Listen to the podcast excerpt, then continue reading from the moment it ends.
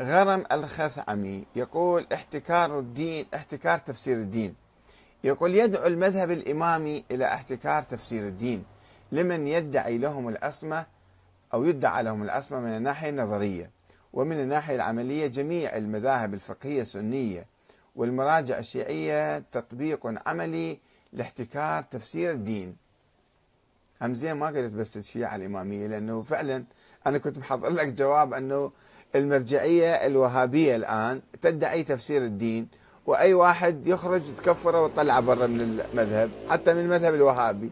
وعندما حدث الخلاف مع جماعة قطر طلعوهم حتى من الوهابية. اللي هم هم وهابيين نفس الشيء يعني بس مخففين شوية. فهي فعلا مشكلة عامة عند كثير من الناس. الحكام يستعينون بهؤلاء. المشايخ حتى يفرضون أنفسهم وسيطرتهم على الناس. وطبعا بعض الأحيان يجيك مثلا شيخ معين يخرج عن سيطرة الحاكم ويتمرد عليه أو يحاول أن يستقل أو يحاول لا يتبعه في بعض المسائل مثلا. أياد آه، جبار فرج حيدر قاسم يقول أدلتهم عقلية فقط. أياد جابر أياد جبار فرج يقول أكيد يحق لهم التكفير سفك دمك وهدر مالك. وطردك من المعمورة لكوكب آخر. هم وكلاء الله والناطقين باسمه. هكذا يدعون. وعندما اعترض إبليس على آدم انتفض. ووعد إبليس بالعقاب. اليوم لا نشاهد اعتراض من الله على سفك الدماء والتحدث باسمه. الله سبحانه وتعالى أعطاك موقف صريح بحرمة الدماء وحرمة يعني التعدي على حرمات الآخرين. وموجود في القرآن الكريم. المهم أنت تعمل أو لا تعمل.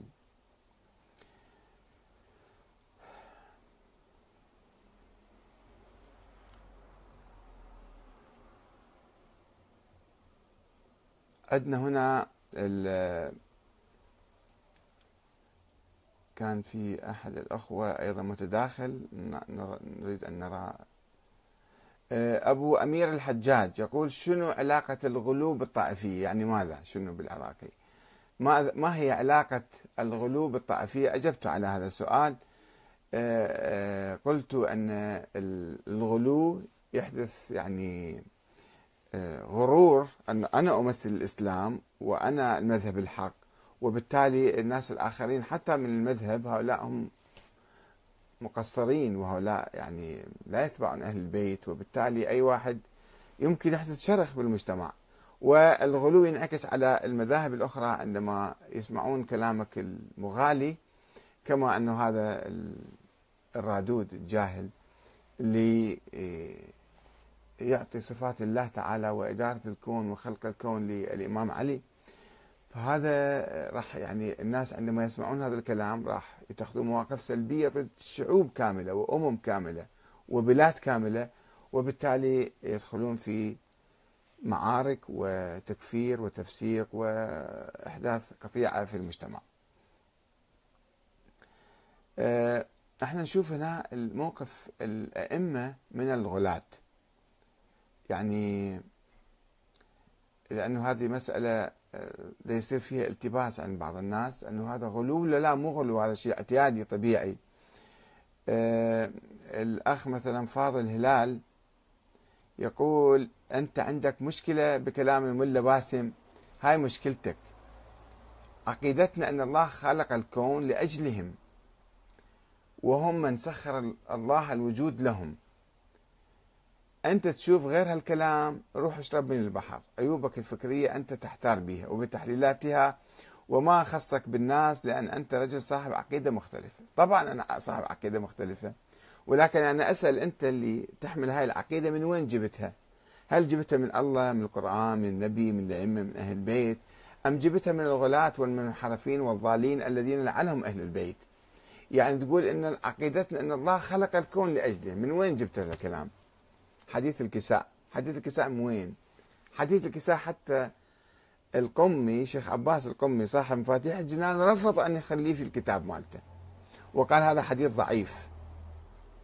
طبعا حديث في قصة الكساء بسيطة ولكن حديث الكساء اللي مشهور في الكتب أن الله ليس من يعني كل لا أرض مدحية ولا سماء مطوية ولا كذا إلا من أجلهم. هذا الكلام هذا من وين إجا؟ هذا حديث مكذوب. أنت تؤمن بأحاديث مكذوبة وتؤف القرآن. عقيدتك لازم تأخذها من القرآن فقط مو تأخذها من أحاديث مكذوبة وموضوعة. فالمشكلة هاي عند الأخباريين وعند الناس الجهلة أن يأخذوا وين ما يشوفون أي كتاب أي حديث أي دعاء يصدقون به. وهم من سخر الله الوجود لهم. ليش؟ الله سخر الوجود لهم. منو قال وين؟ ليش الله إذا هاي كانت عقيدة؟ لماذا لم يذكرها الله في القرآن الكريم؟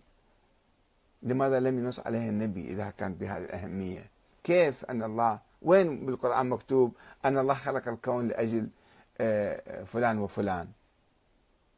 فأنت يجب أن تراجع عقيدتك إذا سميها عقيدة ارجع اعرضها على القرآن كما قال أئمة أهل البيت. اعرضوا أي حديث يجيكم على القرآن شوفوا هذا موجود ولا ما موجود؟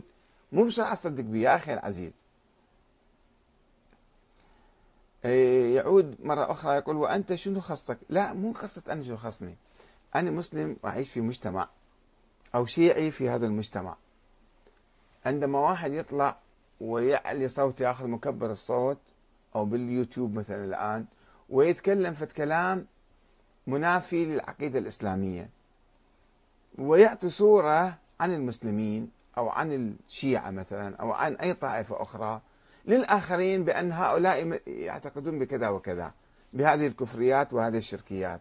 فسيكون موقف سياسي وموقف أمني ينعكس على عامة الناس ويحدث شرخ ويحدث فتنة ويحدث آه، اعتداءات تفجيرات كذا. فلذلك أنا يهمني وأنت يهمك وكل واحد يهمه أن يتخذ موقف من هؤلاء المنحرفين الضالين المضلين. ومو أنا أقول ضالين مضلين. شوف أئمة أهل البيت شو يقولون؟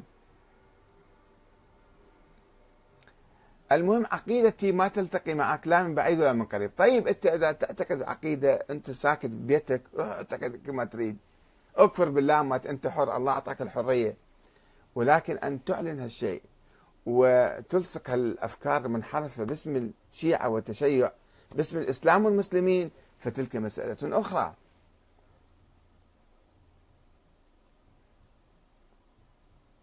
انت قول أنا مو مسلم انت حر. في ناس ملحدين الآن يقولون إحنا ملحدين. يعني آه، ما حد ما يعاقبهم ولا أحد يعدمهم ولا أحد يقول لهم شيء. هم يقولون إحنا مو ملحدين أو من نؤمن بكذا وكذا. بس أنت في زي ديني في زي تشيع في مجلس حسيني وتعطي هالصورة هذه وبزي معمم مثلا كما هذا ياسر اللعان فأنت هنا راح تسوي عملية تشويش. وعملية تشويه لأمة وطائفة وبلد وراح تحدث فتنة. هي مو مسألة حرية صارت هنا الآن.